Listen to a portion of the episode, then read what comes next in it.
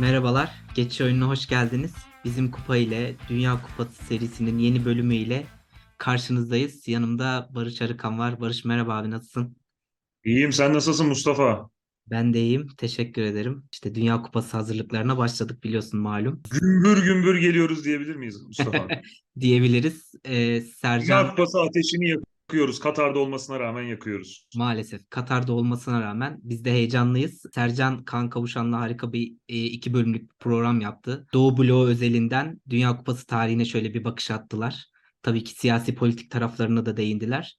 E, güzel iki bölümlük bir bölü şey oldu, program oldu. İzlemeyenler için, e, görmemiş olanlar için hatırlatalım. Batı bloğunu da biz mi anlatacağız Mustafa? Batı bloğuna da biz geliyoruz. Malum biliyorsun son zamanlarda e, Avrupa bayağı bir fark attı Dünya Kupası'nda. Dünyanın geri kalanına. Arda arda İspanya, İtalya, işte Hep farklı Fransa. ülkeler kazandı. Hep farklı ülkeler Aynen. kazandı. Tabii tabii hem farklı ülkeler kazandı hem de Av- Avrupa'nın ciddi bir dominasyonu artık e, var. Şimdi bu sezon e, yani iki, pardon bu sene Arjantin'den ve Brezilya'dan büyük bir beklenti var Katar'da ama e, onu da görmüş olacağız. Bakalım Almanya'nın bir düşüşü var. E, İspanya tekrar toparlanmaya çalışıyor. Yeni bir jenerasyon bilmem ne. Bunları gerçi e, grupları değerlendirdiğimiz programlarımızda bahsedeceğiz ama O programa için bir şey kalmayacak biraz daha konuşursan?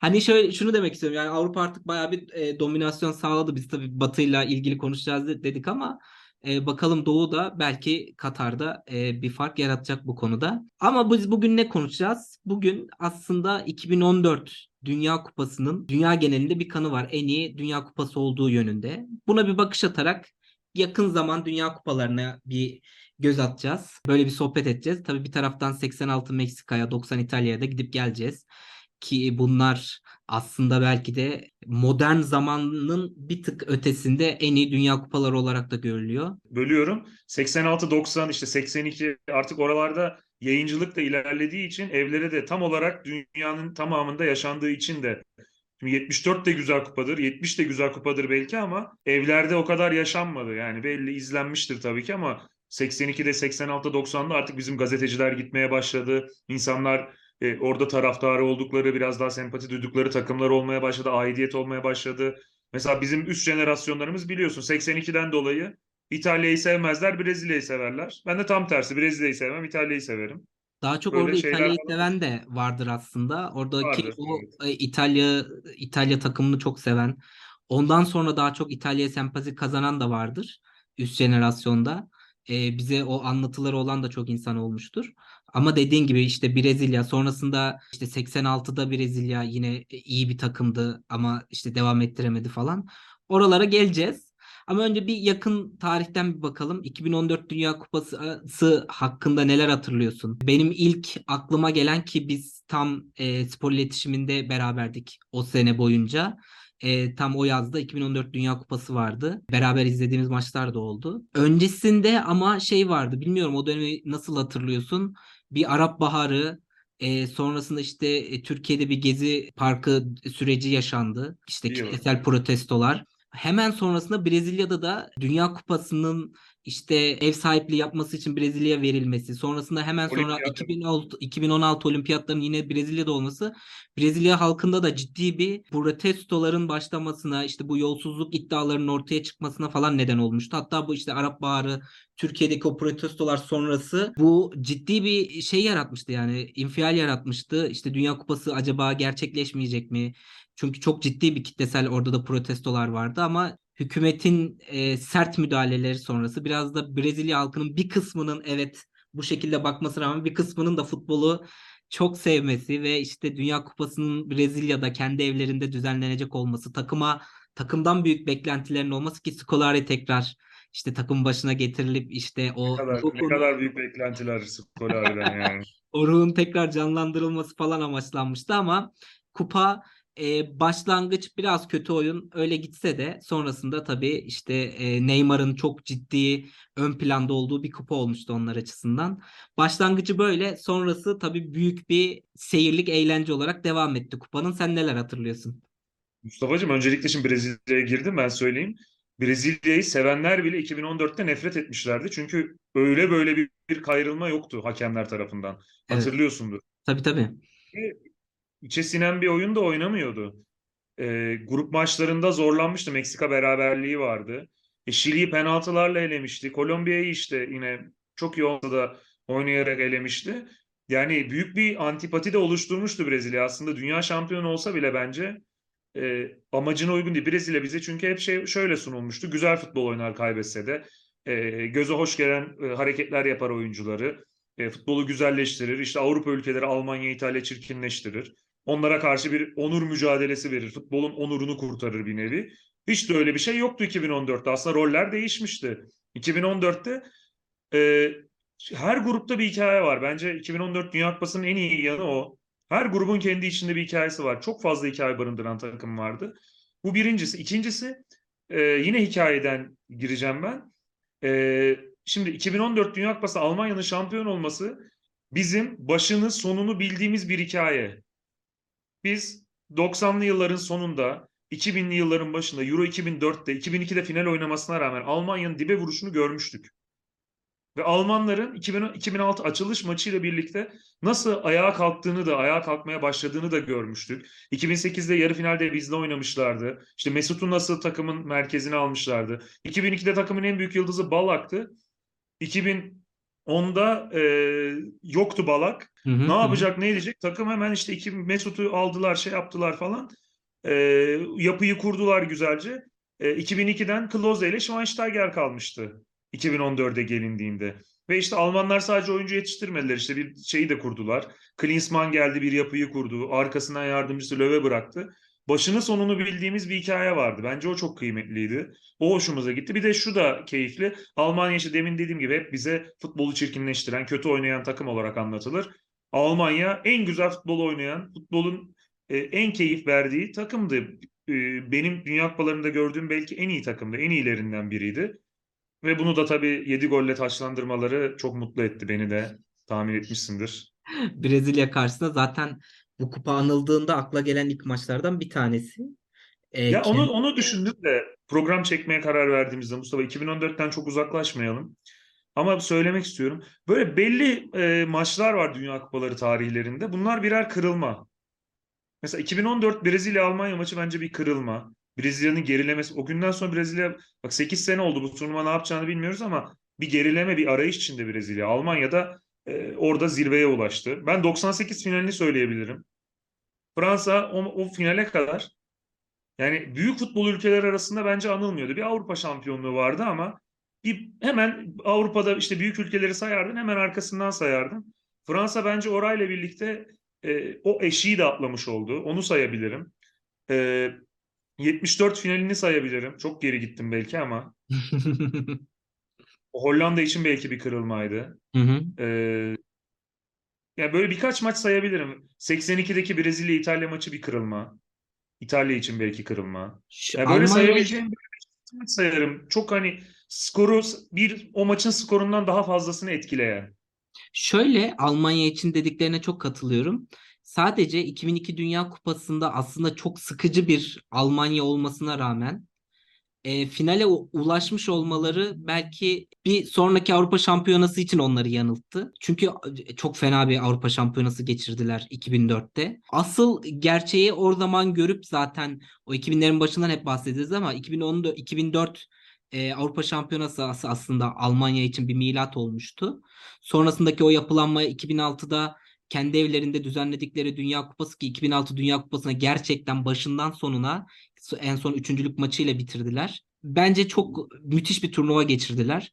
O Kazanabilirlerdi de. kazanabilirlerdi kesinlikle. Uzatmada yenildiler İtalya'ya. Evet evet yani başından sonuna taraftarıyla işte yeni iki teknik direktör ki orada bir paylaşımlı bir iş vardı Löw'le birlikte Klinsmann'ın ki Klinsmann'a hiç inanç yoktu aslında bir taraftan da.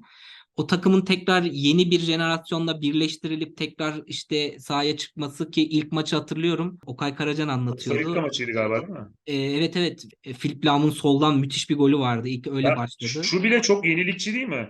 Philipp Lahm sol bek oynuyordu o maç. Yani o döneme kadar şey çok kanat oyuncusu dahi ters ayaklı çok istisnaydı. Ters ayaklı bekle çıkmıştı maça. Şimdi düşününce E, ters ayaklı bek, e, önünde de ters ayaklı Evet, Schweinsteiger vardı. Evet. yine. O da o zaman e, so- sol solda oynuyordu o zamanlar. Solda Sonradan- Ben Schneider oynuyordu diye hatırlıyorum ben 2006'da. 11'i dizerken öyle gibi geliyor bana. E, yok Schweinsteiger önündeydi diye hatırlıyorum ben de. Ya belki sonradan Belki sağ e, kanat. dönüşümlü oynuyorlardır. Ya ben Ee, Schneider'i o takıma hiç yakıştıramıyordum da onun için yani takım yenilenmiş bir takım. Bir de hani abi gibi Ben Schneider vardı ama o da yani çok üst düzey bir oyuncu değildi tabii. Değildi ama iyi bir turnuva geçirdi. kalan bir. İyi, iyi bir turnuva geçirmişti diye hatırlıyorum ben. Fena Evet, fena bir iş çıkarmamıştı. E sonrasında zaten üstüne koya koya Löw'le birlikte de koya koya dediğin gibi o işte Mesut'un dahil olması, o göçmenlerin oradaki o bakış açısının kırılması milli takımda. Bizde de vardı ya şimdi son dönemlerde pek o e, söylem azaldı ama milli takım o şey e, milli marşı okuyan o futbolcu yok Süper Lig'de falan diye işte.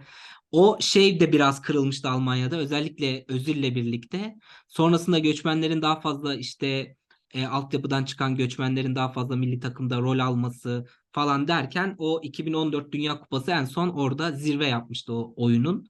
Ki işte o zirve yaptığı maçlardan birisi de işte bahsettiğimiz Brezilya maçı. Yani müthiş bir e, hezimet Brezilya açısından kendi evlerinde ki müthiş bir beklenti vardı aslında. Bir taraftan da o maçta Neuer'in maç kaç kaçtı hatırlamıyorum ama gol yedikten sonra bir e, hani ne yapıyorsunuz siz deli misiniz devam etsenize gibi bir böyle bir haykırışı vardı. O işte kazanma hırsı mı denir ona o winnerlık mı artık onunla birlikte acayip o da benim gözümün önünden gitmeyen Şeyi önereyim ben de. biri. Rafael Honigstein'in bir kitabı var. Alman futbolunun yeniden ayağa kalkması ile ilgili. 2014 Dünya Kupası'nda maç maç analiz etmiş, anlatmış olanı biteni işte biliyorsun Brezilya'ya bir tesis kurdular. Orada yaşadılar. Hı hı. Maçlardan oraya gidip geldiler. Sonra da orayı bıraktılar oyuncu yetiştirmek için galiba. Orada olanı biteni niye öyle bir şey yapıldı? Ee, niye Klinsmann seçildi? Klinsmann yanına niye Löw'ü seçti? İşte orada şey var. Klinsmann'ın ezeli rakibi Mateus'la e, bir rekabetleri var. İşte Mateus gelecekti, Klinsmann geliyor. İşte iki farklı şeyi seçmiş Hı hı. oluyorlar. Hı hı İşte orada medyada da ikiye ayrılma var e, falan. Onu tavsiye ederim. Çok iyi bir kitap. E, onu da önereyim. 2014 ile ilgili ben biraz önce şeyleri söyledim. İstersen e, bir bahsedeyim. Her grupta bir hikaye var dedim. Hı hı hı. Onu bahsedeyim. Mesela A grubu zaten Brezilya'nın grubu. B grubunda İspanya, Hollanda, Şili var. Hatırlıyorsun İspanya bu turnuvaya son iki Avrupa şampiyonu ve son dünya şampiyonu olarak gelmişti. Evet. Ve gruptan çıkamadı. 5-1 Hollanda'ya yenildi. Şili'ye yenilip elendi. Yani güzel bir hikaye değil mi? Tabii ki. Bak C grubunda da şeyi hatırlıyorsundur. Falcao'yu bir Fransa kupasında bir e, amatör Türk futbolcu sakatlamıştı. Kolombiya ne yapacak ne edecek ama James çıkmıştı o turnuvada. James'in çıktığı grup C grubu da. C grubunda Kolombiya var, Yunanistan, Ha- Japonya, fil dişi var. TRT spikeri bayağı bir orada linç edilmişti. James Evet, Rodriguez ne falan diye. Evet, Evet, şeyi defa. Büyükelçiliğe sorduk falan diye anlatmıştı hatırlıyorum. Evet evet. Bak bu grupta da fil dişi Yunanistan, Japonya var. Yani Yunanistan'ın çıkması bu gruptan futbol adına kötü bir şey ama yani 3 tane yani iyi bir çekişmişlerdi onu atıyorum. Kolombiya'da çok renk katmıştı. D grubuna geliyorum. D grubu ölüm grubuydu turnuvanın. Uruguay, İngiltere, İtalya vardı. Bir de Costa Rica vardı. Ama gruptan Costa Rica lider çıktı. Meşhur şu Suarez'in ısırma olayı falan filan. İngiltere ile İtalya elendi. evet. Bak bir sürü hikaye var turnuvada. Orada şey geçiyorum. Navas'ın kalecilik performansı turnuva yani gruptan başlayıp sonrasına kadar müthiş bir zaten etki Joel Campbell'la ikisi çok iyi taşımışlardı evet. Sonra Fransa grubunu geçiyorum. Bak Arjantin şey grubu var. Arjantin'in grubu var. Arjantin'in de turnuvaya başladığını hatırlıyorsun. 5 hücumcu 5 savunma falan başlıyordu.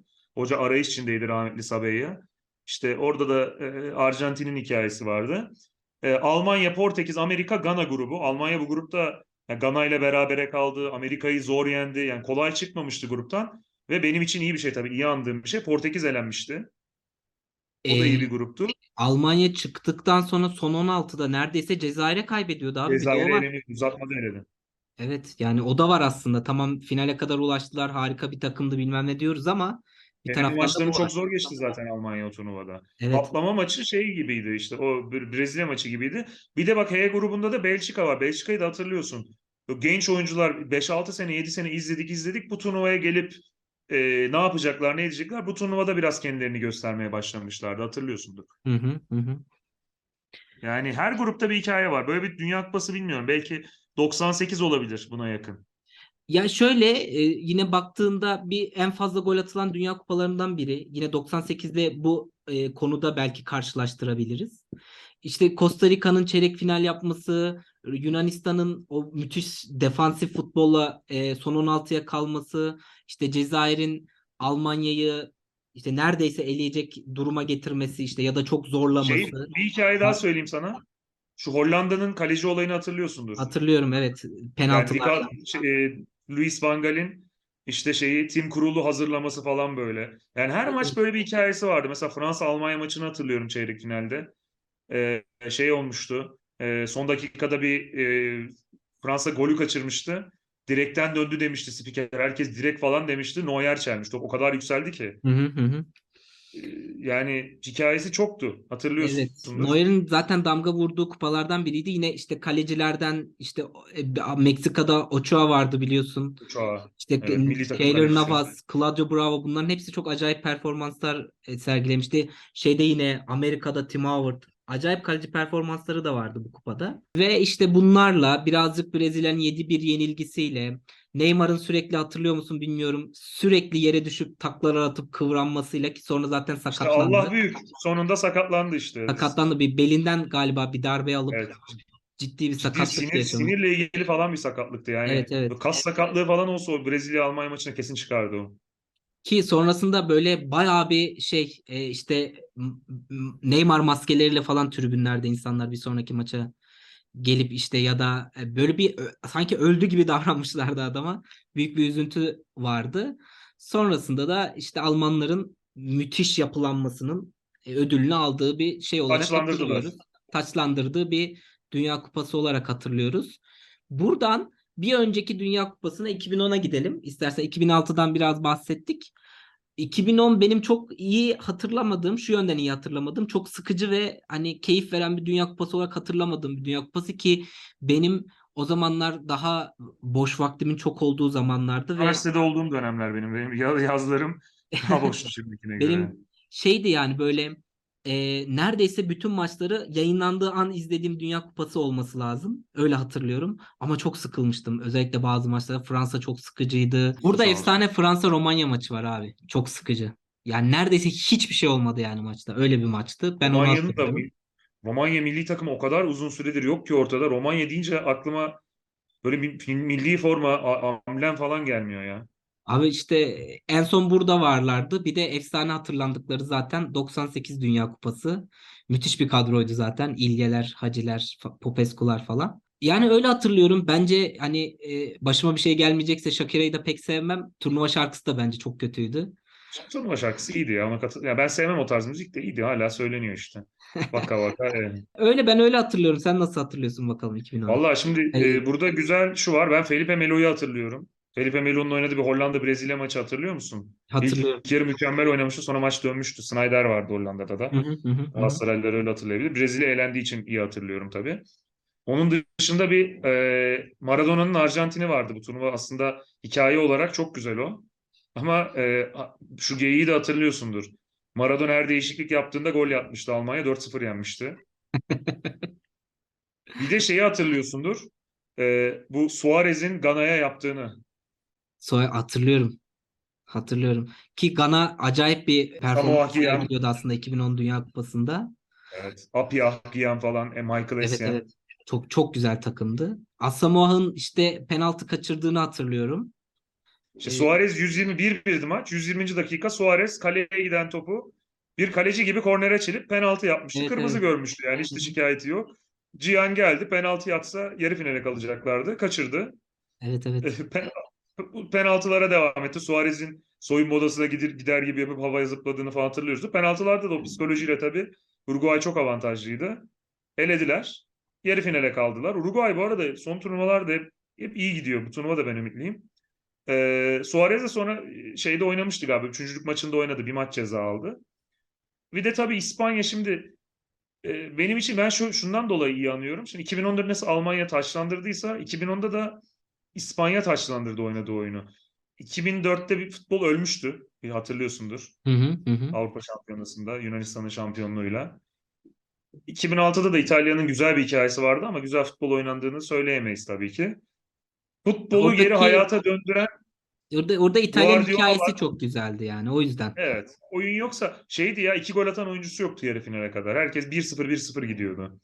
O var. Bir de 2010'da bu şey güzeldi. İspanya'nın bu Barcelona ile Guardiola önderliğin, önderliğinde canlandırdığı bu yeniden güzel futbol, gollerin çok olduğu, e, oyuna hakim tak- bir takım izlediğimiz şeyi. İşte Messi yerine David Villa giriyordu. E, kaleye Iker Casillas geçiyordu. İşte savunmaya Ramos, bir iki takviye Real Madrid'den. Capdevilla sol beke. O takım yani böyle üçlü yap, yapan yoktu galiba. Avrupa Şampiyonası, Dünya Kupası, Avrupa Şampiyonası. Oradaki Dünya Kupası'nda kazanıp taçlandırmış oldu. Golü de Iniesta'nın atması çok güzel oldu. O herkesin sevdiği bir oyuncudur herhalde Iniesta. Şey vardı ben onu hatırlıyorum. De Jong'un böyle orta sahada acayip bir e, kimin göğsüneydi? Yine Iniesta Can tekme. Evet Xabi evet. Alonso'ya. Xabi Alonso muydu? Acayip bir o vardı ve e, kırmızı kart görmemişti. Öyle onu hatırlıyorum yine. e, İşte yani İspanya'nın ve Hollanda'nın oynadığı futbolu e, iyi anlattığını düşünüyorum bunun. İyi güzel bir pozisyondu. Sonrasında sadece İspanya için artık o oyunu o kadar sıkıcı bir hale getirmişlerdi ki bir sonrasında tabii bu bir sonraki Avrupa Şampiyonası'nda yine tabii kazandılar ama yürüyerek neredeyse yürüme seviyesinde o topu ayaklarına alıp Alışkanlıklarıyla kazandılar. O takım 2010'dan daha kötüydü mesela. Tabii ve e, sıkıcıydı da artık çünkü bir taraftan da bir antipati de yarattı bu. Ben hatırlıyorum ne olur artık birisi şunların ayağından topu alsın da hani bir bir şey bir şey olsun yani maçta diye böyle bir şey vardı. Onu hatırlıyorum tabii. O turnuva özelinde çok iyilerdi ama bir sonrasında oyunu öyle bir seviyeye artık o alışkanlıkla o birbirleriyle sürekli oynamanın verdiği alışkanlıkla öyle bir seviyeye getirmişlerdi ki artık sıkıcı bir hale e, gelmişti o oyun. Ya şunun da etkisi var Mustafa ya. Ee, bak dikkat et. Benim için mesela kötü turnuvaları söyleyeyim. Ben 98'i biraz izlemeye başladım. 90 doğumluyum. Sonrakileri izledim. Mesela benim için kötü turnuva deyince aklıma 2018 geliyor. Evet. o 2002 her- geliyor. Ve 94 herkes söyler. Ben de hani sonradan takip ettiğimde bir şey görmüyorum. Bak bunların hiçbiri futbol ülkesinde değil. Amerika'da, Güney, Güney Kore, Japonya'da, Rusya'da. Bak güzel turnuva 4 ben hiç sevmem ama Brezilya futbol ülkesidir ya. Statlar falan futbol stadı. Turnuva için şey değil. 98 Fransa yani Fransa futbol yani tamam kültürü şey diyoruz da futbol ülkesidir. Mesela 2006 Almanya yani Almanya bir futbol ülkesidir. Ne kadar kötü olsa da o zaman Almanya turnuva nispeten şey geçse de e, bence o da çok etkili. 2010'da Güney Afrika'da oldu sonuçta. Yani biraz iyisi biraz kötüsü ondan kaynaklanıyor bence. Ama benim izlediğim en kötü turnuva 2018 ile 2002 arasında gidiyorum. Sen ne dersin bilmiyorum. 2018 benim için de öyleydi. Sadece işte 2018'de de Brezilya benzeri bu şeyler vardı. Tabii Rusya'da böyle bir şey yoktu ama dünya genelinde işte o statların yapımında ülkenin kullandığı kaynakların ne şekilde kullandığı, oradaki yolsuzluklar falan da çok tartışılmıştı. Çok merkeziyetçi bir yönetim var tabii orada da bir taraftan. Ama şey olarak da Rusya'nın verdiği o bir Rusya milli takımının verdiği o bir enerji, bir coşku vardı. O benim hoşuma gitmişti. İspanya'yı elediler. Son dünya sondan Evet. bir önceki dünya şampiyonunu elediler. Onun dışında böyle muazzam bir hatırladığım şey yok ama 2002 birçok yönden özel bir turnuvaydı. Ya Ee, Türkiye gitti diye bizim için Evet, özel evet. de. Yani takımlar bak 2018 ile 2002 ben şunu 2018 izlemeye başlamıştık hatırlıyorum. Fransa'yı izlemiştik çok kötü ya bu takım nasıl şampiyon olur yani. Fransa olmaz. İzliyorduk. Arjantin kötü bundan da bir şey olmaz. Brezilya kötü bundan kötü kötü diyorduk hepsine. Fransa kazandı hiçbir maçı iyi oynamıyordu. Bir tek işte finalde 4 falan 4 gol atıp falan kazan. Her maçı kaybedecekler diye izliyorduk. Hatırlıyorsun 2018'de Tabii, tabii. zaten Arjantin kadrosu iyiydi de Sampaoli mahvetmişti takımı. Ya böyle iyi böyle verimli takım ka- katkı alan falan bir takım ben hatırlamıyorum. Hırvatistan'dı işte yani. Elindeki kadrodan maksimum alan. Hırvatistan'da o da yani şimdi Arjantin iyi olsa, Brezilya iyi olsa Hırvatistan final oynayabilir mi? İstediği kadar kadrosu iyi olsun. Ya diğerleri kötü. Fransa'da mesela şampiyonu 98'de hakikaten iyi takımdı şampiyon oldu. 2018'de mesela Fransa'da yıldızı Mbappe'ydi, işte Pogba'ydı falan diyoruz da yani şey gibi bir performans hatırlıyor musun sen? Mesela 2010'daki Iniesta'nın, Xavi'nin, David Villa'nın performansı. Gümbür gümbür 2014'teki baştan sona kadar çok ciddi dominasyonla yapmadılar bunu. Dediğin gibi her maçta acaba acaba dedirterek oraya kadar ulaştılar. Şöyle beklenti başlangıçta çok iyiydi. e, Fransa için do- 2018'de ama sahada gördüklerimiz işte oyuncu seçimleri, oyuncuların nasıl kullanıldıkları falan Pogba hocası, sadece hocası yok Fransa'nın. 6 yıldır hocası yok işte. Ya Pogba'nın Juventus'ta falan kullanılış şekli, orada gösterdiği performans falan onun milli takımda da belki bunu gösterebilecek olması ya da o şekilde kullanılacak olması heyecan veriyordu. Ama tabii ki o pe- performansta olmadılar. 2000 2002 şu yönden hani bir- bir- birçok açıdan bakıldığında bir taraftan güzeldi evet. Bizim için çok güzeldi. Aynı zamanda ev sahibi ev sahiplerinden bir tanesi olan Güney Kore için çok iyiydi. Çünkü bu iki takım yarı finale kadar ulaşmayı başardı. Bizimki yine çok üstüne konuşulup tartışılmasa da Güney Kore'nin özellikle hakem performanslarıyla işte İtalya'yı elemiş olması, İspanya İspanya İtalya'ya aslında. İspanya aslında çok iyi gidiyordu bir taraftan. Yine orada da bir- birkaç facia hakem kararıyla birlikte ki Güney Kore'nin de işte VAR yoktu o zaman tabii. VAR yuvarın olmadığı günler. Aynen öyle. Bunlar çok konuşuldu ama şu iki açıdan konuşulmuştu. Güney Kore'nin hem hiçbir beklenti olmadan bu başarıyı elde etmesi bir taraftan hakem performanslarıyla bunların gelmesi. E, Türkiye'nin biz kendi açımızdan baktığımızda e, yani buradan giderken e, kime sorsan bu Dünya Kupası bitince üçüncü olacaksın diye herkes havada kapardı ama o kadar büyük bir beklenti Ben yoktu. şunu hatırlıyorum. Şunu hatırlıyorum. Şöyle bir hesap yapılıyordu turnuva öncesi. Bir de çok kötü bir format vardı. Biz niye yarı finalde Brezilya ile eşleştik aynı gruptan çıkıp? Değil mi? O da ayrı bir saçmalıktı da yani Evet. turnuvadaki bütün şeylerin yanında. Çeyrek finalde Fransa ya da Arjantin'le eşleşeceğiz gibi bir hesap vardı. Orada eleniriz deniyordu. En fazla o yani gruptan çıkarız. Şansımız yaver giderse bir tur daha atlar eleniriz deniyordu. Ama yani e, tabii yolumuz da biraz açıldı. Biz biz de iyiydik yani.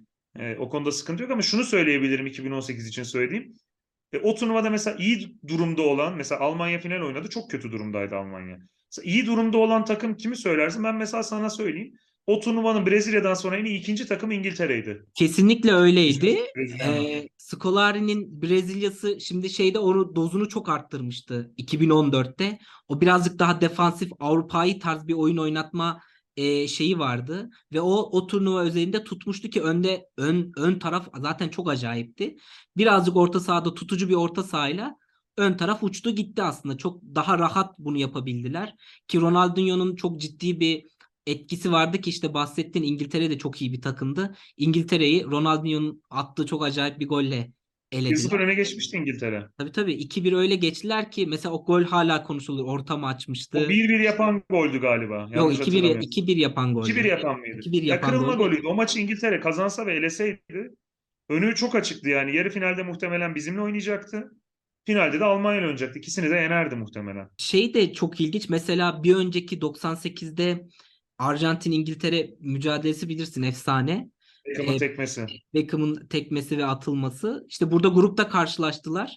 Arjantin rezil bir performans gösterdi. Hatta o zaman Ölüm grubuydu. grubu İsveç, İsveç, Evet. Nijerya, İngiltere, Arjantin'de. Evet, ya evet. bir de o, o ilginç. 2002'deki, 2006'daki maçların hepsini hatırlıyorum. 2018'i çok daha az hatırlıyorum ya. Kötü hiçbir etki bırakmamış abi. Evet. Ve orada Arjantin'i 1-0 yine bu sefer Beckham'ın penaltıdan attığı golle yendiler. Çok kötü bir penaltı attı. Cavalleraro'nun Evet. sol ayak dibine doğru böyle vurmuştu. Çok kötü. pe- Ya o penaltı kaçsa zaten o o zamana kadar sonrasında işte o 98 Dünya Kupası sonrası bir çekilen belgesel vardı. Bir de Alex Ferguson kitabında da anlatmıştı. Çok zor zamanlar yaşadı Beckham diye. Taraftarla bütün İngiliz taraftarıyla falan böyle. Sonrasında işte o penaltıyla birlikte tekrar bir şey sağladı ki 2002 Dünya Kupası'na gelirken o Yunanistan'la en son bir maç oynamışlardı. Orada da frikikten bir gol atıp da işte orada tekrar bir taraftarla İngiliz taraftarıyla bir barışma anı yaşamıştı. O anlar var, o hikaye var bir taraftan. Bir taraftan işte bizim hikayemiz var. Ya da işte Ama da Güney biz, Kore'nin bizim için var. ilginç yani. Yoksa Tabii tabii yani başkası için ilginç değil. Biz kendi açımızdan baktığımız için söylüyorum ben. Ee, işte ne bileyim Hakan Şükür tartışması çok olmuştu. Bütün kupa boyunca. O neden oynamıyor? Şey neden sürekli İlhan İlhan'a oynasın. evet İlhan'a tercih edildi. Son maç beraber oynadılar. tarzı, giyimi. Aynen. Bunlar saçma sapan o tartışmalar vardı ki en son maçta ikisi beraber oynadı İlhan'la birlikte.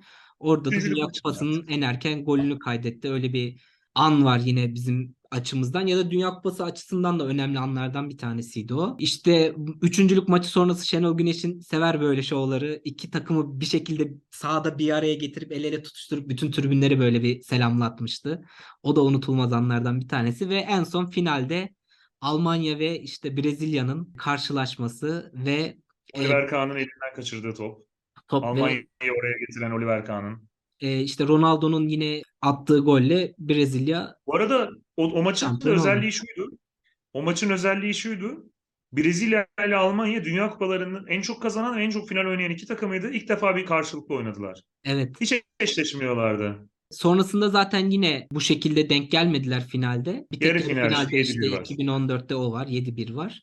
Öyle bir turnuvaydı ama işte bir öncesine geldiğimiz zaman 2000 Avrupa Şampiyonası ve 98 Dünya Kupası belki de son dönemlerde oynanmış en iyi iki kupa 2000 olarak çok iyiydi. Euro zihinlerde 2000 çok iyiydi. Euro 2000 evet gerçekten çok iyiydi her açıdan. Bir, bir öncesi 98 Dünya Kupası da 90 Dünya Hollanda Kupası tişörtümü göstereyim Euro 2000 deyince. 90 Dünya Kupası Şampiyonlar Ligi'nin ve işte muhteşem o paralı yayın çağının hemen öncesinde oynanmış son belki de muazzam kupalardan bir tanesiydi. Sonrasında Şampiyonlar Ligi falan çok bunların önüne geçmeye başladı ama arada o 98 Dünya Kupası, 2000 Avrupa Şampiyonası efsaneler olarak oyun kalitesi olarak bir sürü hikayesi olarak ki 98 Dünya Kupası'nda acayip bir sürü hikayesi var. İlk akla gelen Dünya Kupası da denildiği zaman ilk akla gelen kupalardan biri bence. Bence de. Final maçında Ronaldo'nun oynayacağı, oynamayacağı, gerçekten hastalandı mı oynamadı yoksa başka bir şey mi vardı? Orasından tutup işte Owen'ın dünya futbol sahnesine çıkışı var. E, Ben muhteşem- şeyi hatırlıyorum. TRT spikeri şey demişti. İngiliz futbolunun iki genç yıldızı bugün 11'de. Biri Michael Owen 20 numara. Biri 7 numara mıydı artık o zaman kaç numara? 7 numara David Beckham. Owen mükemmel oynamıştı. Gol, aşırtma gol falan atmıştı. Beckham da tekme atıp e, oyundan atıp. O maç çok epik bir maçtı. Evet. Çok güzel maçtı. Bir de Arjantin'in bütün maçları öyle. Biz Arjantin'i biraz ondan da seviyoruz belki. Şey Hollanda maçı da çok iyi maçtı. O Bergkamp'ın golünü falan hatırlıyorsundur. Tabii Dünya tabii. Kupalarının en güzel gollerinden biri böyle ya da en underrated gollerinden biri. Acayip maçtı o da. E, Ee, şey var Arjantin abi bahsettiğin. İngiltere İngiltere Arjantin maçında Javier Zanetti'nin attığı müthiş gol var. Orada frik, çok acayip bir Frik- Organizasyon değil mi? organizasyonla tabii tabii sol ayakta Aynısını böyle. Simeone aynısını Arda'ya da yaptırdı ya Atletico Madrid'de Şampiyonlar? Ligi'nde. Öyle bir şey vardı sanki. Tam Evet, öyle bir şey Aynısını yaptırdı. Aynısını. O var e, ki şey yani o maç dediğin gibi çok epik maçlardan bir tanesi o golüyle Owen'ın attığı gollerle işte Beckham'ın atılması ya Simeone'nin o şey maç boyu o sertliği sürekli konuşması rahatsız etmesi falan Bir gerçekten öyle. Batistuta var ya. Batistuta gibi bir karizma var ileride. Kesinlikle öyle. Birçok açıdan efsane bir kupa. Özel bir kupa.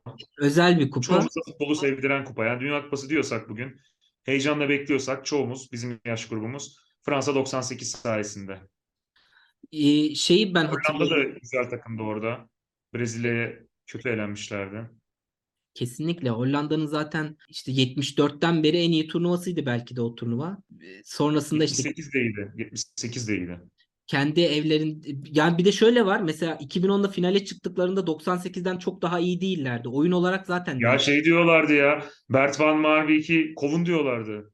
Yani şampiyon da olsak önemli değil. Kovun bu adamı diyorlardı. tabii. Bu ne Yani oynuyoruz diyorlardı. çok sıkıcı, çok En iyi topu finalde oynadılar hatırlıyorsun. Robben 3 tane karşı karşıya kaçırdı. evet.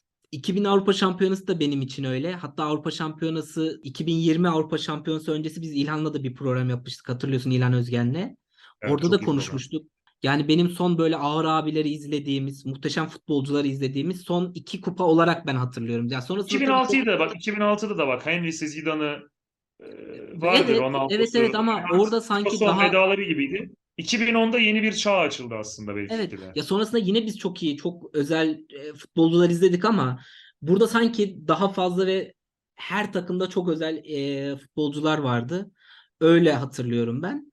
İşte biz belki Messi'yi biraz o liderlik yani sadece oyun içi değil şeyiyle de sahada duruşuyla da topu aldığında yaptıklarıyla da biraz onları anımsattığı için seviyorum ben belki de bilmiyorum. Mu- muhtemelen.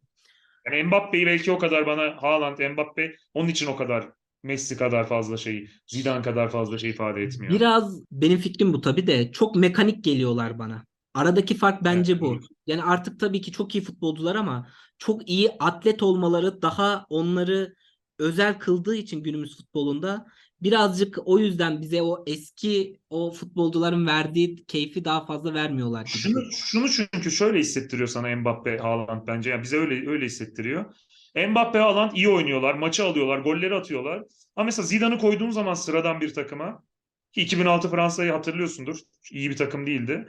Yanına Henry'i aldı, finale çıkardı o takımı. Finale kadar Yani çıkardı. vedası da şampiyon olmuş kadar büyük bir veda. Kafayı attı, bıraktı. Yani onu o etkiyi yap- yapacağını yapmasa bile yapacağını hissettiriyor sana. Bak 2002'de de o takım gruptan çıkamadı ama Zidane'a bir şey diyemezsin yani. Tabii. Ee, 98 öncesi sen deminden bahsettin hani 94 genel olarak herkesin aklında çok kalan yine Baggio'yla işte Brezilya karşısında İtalya'nın öyle bir efsane öyle bir hikaye var. O kupayı Amerika'da düzenlenmesi işte öyle sıcağında maçların oynanması yani. o açıdan işte çok sıkıcı e, temposuz maçların oynanması nedeniyle çok iyi hatırlanmayan bir Bir de şey olayı var tabii. e, Escobar olayı falan da tatsız. Evet, evet. E, onun bir öncesine gittiğimizde 90 Dünya Kupası ama işte demin bahsettiğin gibi 94'te şunu söyleyeyim bir de geçmeden. Yani Romanya ile Bulgaristan'dı renk katan. Bulgaristan galiba Almanya'yı elemişti. Hı, hı hı. Elemelerde de Fransa'yı elemişti. Yani güzel şeyler olarak onları söyleyebilirim. Tabii bir de Roberto Baggio var. E, kesinlikle o zaten finaldeki. Sonra 98 Dünya Kupası'nda e, tekrar çağrılması işte tekrar önemli bir rol oynaması falan da bayağı bir tekrar çağrılması tartışma olmuştu. Sonra ciddi önemli bir rol de oynadı 98 Dünya Kupası'nda Baggio. Ama buradan bir geriye 90 Dünya Kupası'na gidebiliriz bence gönül rahatlığıyla. Demin söylediğim gibi o Şampiyonlar Ligi öncesi 90 Dünya Kupası'na böyle gidelim. Rahmetli babamdan kalan bir kitapçık. Evet Kapağına da Maradona'yı koymuşlar. Yup Dervel'in ön sözü diyor ama yani çok sıradan bir ön söz. Yani Yup Dervel mi yazmış artık birine mi yazdırmış bilmiyorum. ismini kullanabilir miyiz diye Oradan bir anekdot aktarmak istedim ama gerçekten hiçbir şey yoktu. Yani çok basma kalıp 3-5 cümleyle bir ön söz. İçerik zayıf. Neyse bizim içeriğimiz daha iyi. Ama bak yani o da e, Dünya Kupası öncesi demek ki önem arz etmiş. E, saklamış onu.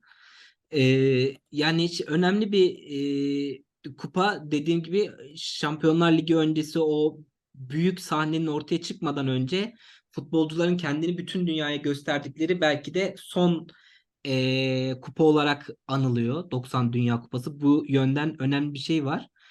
90 Dünya Kupası'nda da hikaye çok bu arada. Tabii tabii çok E, şey açısından da e, şu yönden de aslında önemli. İşte teknik yönden işte e, televizyonda yayınlanması, e, o zamana kadarki en iyi grafiklerin kullanılmış olması, işte şey var e, turnuva müziğinin işte şey Pavarotti tarafından seslendirilen işte şey olması, işte Nessun Dorma olması falan çok acayip öyle bir e, şeyi de var, yapısı da var. İtalya'da Dünya Kupası takımıdır. Onun ev sahipliği yapması çok büyük olay. Ya şimdi mesela 2030 Dünya Kupası İtalya'da falan olacak desem ben çok heyecanla beklerim yani. Hı hı. Ekonomik olarak da şartlarımı zorlayıp oraya gidip bir maç izlemek isterim en azından. Kesinlikle öyle. Ee, yine Almanya kazanıyor. Bu sefer Arjantin'i yeniyor. Almanya 82'nin öcünü şey e, 82'nin diyorum. 2006'da da tam tersi İtalya öcünü almıştı. E, do- Orada aralarındaki büyük rekabet işte 82 finalinin öcünü almış oluyor bir nevi. Hı hı. Ee, ki şey var, Roger Milla var biliyorsun. Efsane olarak o turnuvayı geçirmişti. Sonrasında da o turnuva ne zaman anılsa akıllara gelir. 40 yaşında ki bazı söylentiler o turnuvayı oynarken 40 yaşının üstünde bile olabileceği yönündeydi. ciddi bir şey yapıyorlar ki İngiltere'yi çeyrek finalde belki de eleyebilecek o eleme şeyine bile yaklaşmışlardı yani. O korkuyu yaşatmışlardı İngiltere'ye. Ee, öyle bir turnuva. Yani bir önceki e, dünya şampiyonu e, Arjantin'i turnuvanın ilk maçında yeniyorlar. Öyle bir şok yaşatıyorlar. Ya şu, şunu söyleyeceğim bu arada laf- lafı geçmişken. Ya turnuvanın açılış maçını son şampiyonun yapması iyi bir gelenek değil miydi? Evet bence de öyle kesinlikle. Bu 2006'da değişti. Ev sahibi Hem yapıyor artık. Almanya yaptı orada. Yani çok saçma bence. Şimdi niye Katar Ekvador maçıyla başlasın? Yani Fransa'nın ilk diyorum Fransa'nın maçıyla başlasın. Bak 2002'deki hatırlıyorsunuz Senegal'in Fransa'yı yenmesi çok büyük olaydı.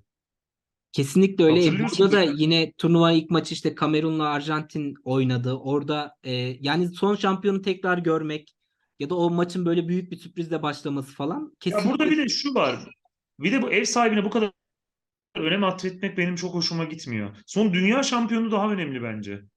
Ya o, o açsın ya herkes en çok onu merak. Beni Katar kimsenin umurunda değil. 2006'da Almanya da çok bir insanın umurunda değil. Ya bir şey çıksın. e, 2002 şampiyonu Brezilya çıksın oynasın ya. Niye onu aradaki gruplara atıyorsunuz? Yani ev sahibine zaten Ka- Katar Dünya Kupası'na katılıyor ya. Daha büyük bir şey olur mu? En büyük payı vermişsin. Açılışı da yapmayı versin ya. Fransa yapsın açılışı. Kimle oynuyorsa. Kesinlikle öyle. O maçta şey var. E, Kamerun-Arjantin maçında bir sahne var. Onu ben e, Toprak Sahada Dünya Kupası sayıları yaparken, onun için hazırlanırken de çok maç izlemiştim. Oradan kaldı aklımda. E, Kaniga böyle orta sahada, kendi sahasından daha doğrusu topu alıp böyle birkaç oyuncu geçiyor ama hani hiç kimse 3 ya da 4 oyuncu böyle geçiyor. Kimse ne topu alabiliyor ayağından ne düşürebiliyor. Böyle saçma sapan saçlar vardı ya. Saçlar Evet. vardı ya onu savunduğu için yaklaşamamışlardı. Ee, ve saçma sapan müdahaleler böyle ama en son ee, şey geliyor abi. Benjamin Massing öyle bir müdahale yapıyor ki yani müthiş bir e, faul. Adam böyle neredeyse taç çizgisinden dışarı atacak bir faul böyle ceza sahasına çok yaklaştığında. Sonrasında hakemin tavırları ve faul veriyor tabii ki vermek zorunda da e, hiçbir kart vermeyişi. Sonrasında işte yanına gelen Arjantinli futbolcuları böyle yanından ukalaca göndermesi falan çok efsane onu hatırlıyorum şey var yine işte bu İngilizlerin e, meşhur e, penaltı kabusu. Burada Almanlara karşı penaltılarla eleniyorlar ki sonrasında kendi evlerinde 96 Dünya Kupa şey 96 Euro 96'da da yine yarı finalde Almanlara yeniliyorlar. Orada da büyük bir beklentiyle başlamışlardı turnuvaya. Hatta futbol evine geri Master döndü. of losing. Master of losing. Her çeşit, her şekilde kaybettiler adamlar. Aynen öyle. Şeyi ben 90 bir şey hatırlıyorum. Benim için birincisi Toto Tikilacci. Hı hı. Her maç sonradan girip gol atıyor. Sonra Arjantin'e de atıyor ama yetmiyor. Ee, ikincisi de tabii ki Maradona'nın o meşhur sözü. Arjantin-İtalya maçı öncesi. Napoli'de maç da yani eli ayarlasan böyle bir şey olmaz. İtalya'nın başka bir şehrinde olsa hiçbir sıkıntı yok da Napoli'de maç. Diyor ki desteklemeyin onları diyor. Bizi destekleyin diyor. Çünkü diyor onlar size diyor bir gün diyor destek isteyecekler. Geri kalan 364 gün Afrikalı diyecekler diyor. Aynen öyle. Çok büyük olay. Sonunda da tabii gözyaşları var finalde. Onu da hatırlıyorsundur. Yani Kesinlikle. Maradona Dünya Kupası deyince e, ya Pele belki daha çok şey yapmıştır ama Pele'ye yayıncılık falan da çok yetişmedi. E, Maradona 86, 90 hatta bir maç oynamasına rağmen 94 damgasını vurmuş 3 Dünya Kupası'nı, 4 Dünya Kupası'na e, etkisini bırakmış çok e, bir Dünya Kupası yıldızı. Yani Dünya Kupası yıldızı olmak başka bir şey bence. Her büyük futbolcu Dünya Kupası yıldızı olmak. Batista da çok büyük bir oyuncu ama iz bıraktığı bir Dünya Kupası yok mesela. Yazı bir de işte o Kempes'in dönem var. o dönem için futbolcular açısından en büyük sahne yani şu an Şampiyonlar Ligi o gözle bakılıyor ama gerçekten çok büyük bir sahne. Onları bütün dünyanın gözü önünde e, bu bunları sergiliyor olmak müthiş bir önem e, arz ediyor onlar için. Maradona'nın da dediğin gibi yani bu bu kadar çok etki bırakmasının nedeni bu Dünya Kupalarında müthiş izler bırakması. Ki bir önceye dönersek yine 86 Dünya Kupası tamamen onun kupası olarak aslında anılabilecek Dünya Kupalarından biri. Günahıyla sevabıyla değil mi? Tamamen öyle. Ee, bizim de en son anacağımız kupalardan bir tanesi.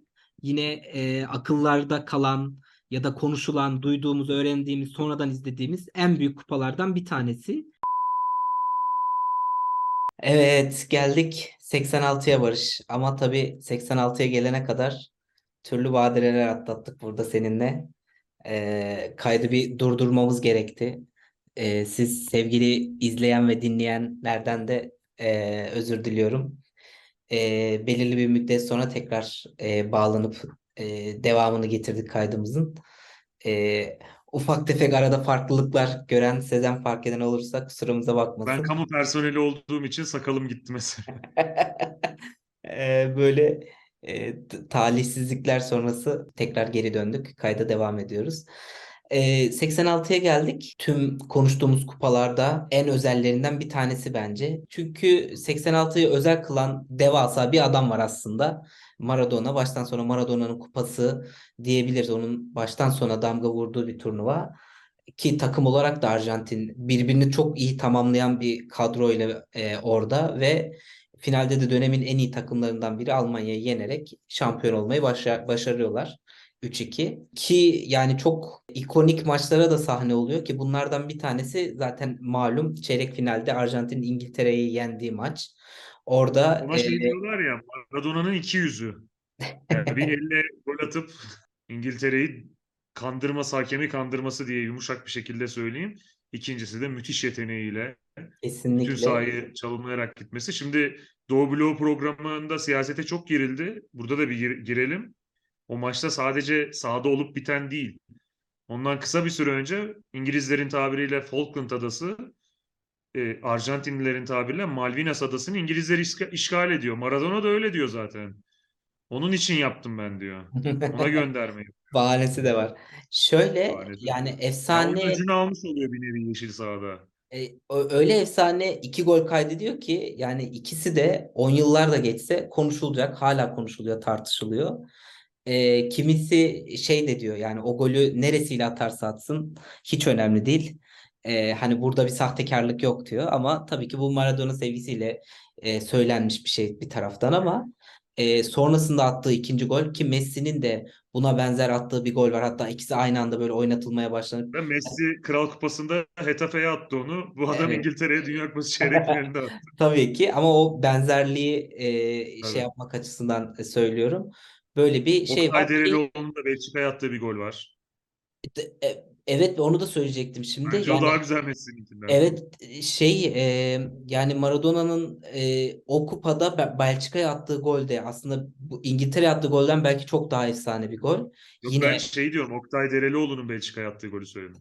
Biliyorum biliyorum. E, ben hani burada şeyin de Belçika'ya Maradona'nın attığı golde bu İngiltere'ye Her attığı maç bir güzel golü var zaten. Her maç güzel golü var da o İngiltere maçındakilerin biraz gölgesinde kalıyor.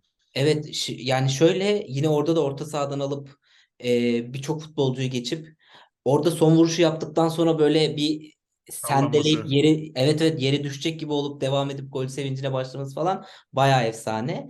Hatta bir önceki şeyde Dünya Kupası'nda yine Belçika ile bir serbest vuruş sonrası bir hani kamera açısından bir görüntü var ya 5-6 tane futbolcu sanki hepsini geçecekmiş gibi karşısına almış. Yine Belçika ile öyle bir şey var. E, Bu arada Belçika çok iyi takım. Ona da değinmek lazım. Bu Hazarlı jenerasyona kadar ki en iyi Belçika takımı muhtemelen. E, yarı E, finale kadar gelmeleri de önemli. O takımın bir önceki Avrupa Şampiyonası'nda da çok ciddi, çok iyi işleri vardı. Ee, 86'yı bir de özel kılanlardan, özel kılan maçlardan bir tanesi de Fransa-Brezilya maçı diyorum. Bu maçta belki de bu zamana kadar Dünya Kupası özelinde oynanmış tüm e, hani bütün maçlara bakıldığında en iyi birkaç maçtan bir tanesi olarak gösteriliyor.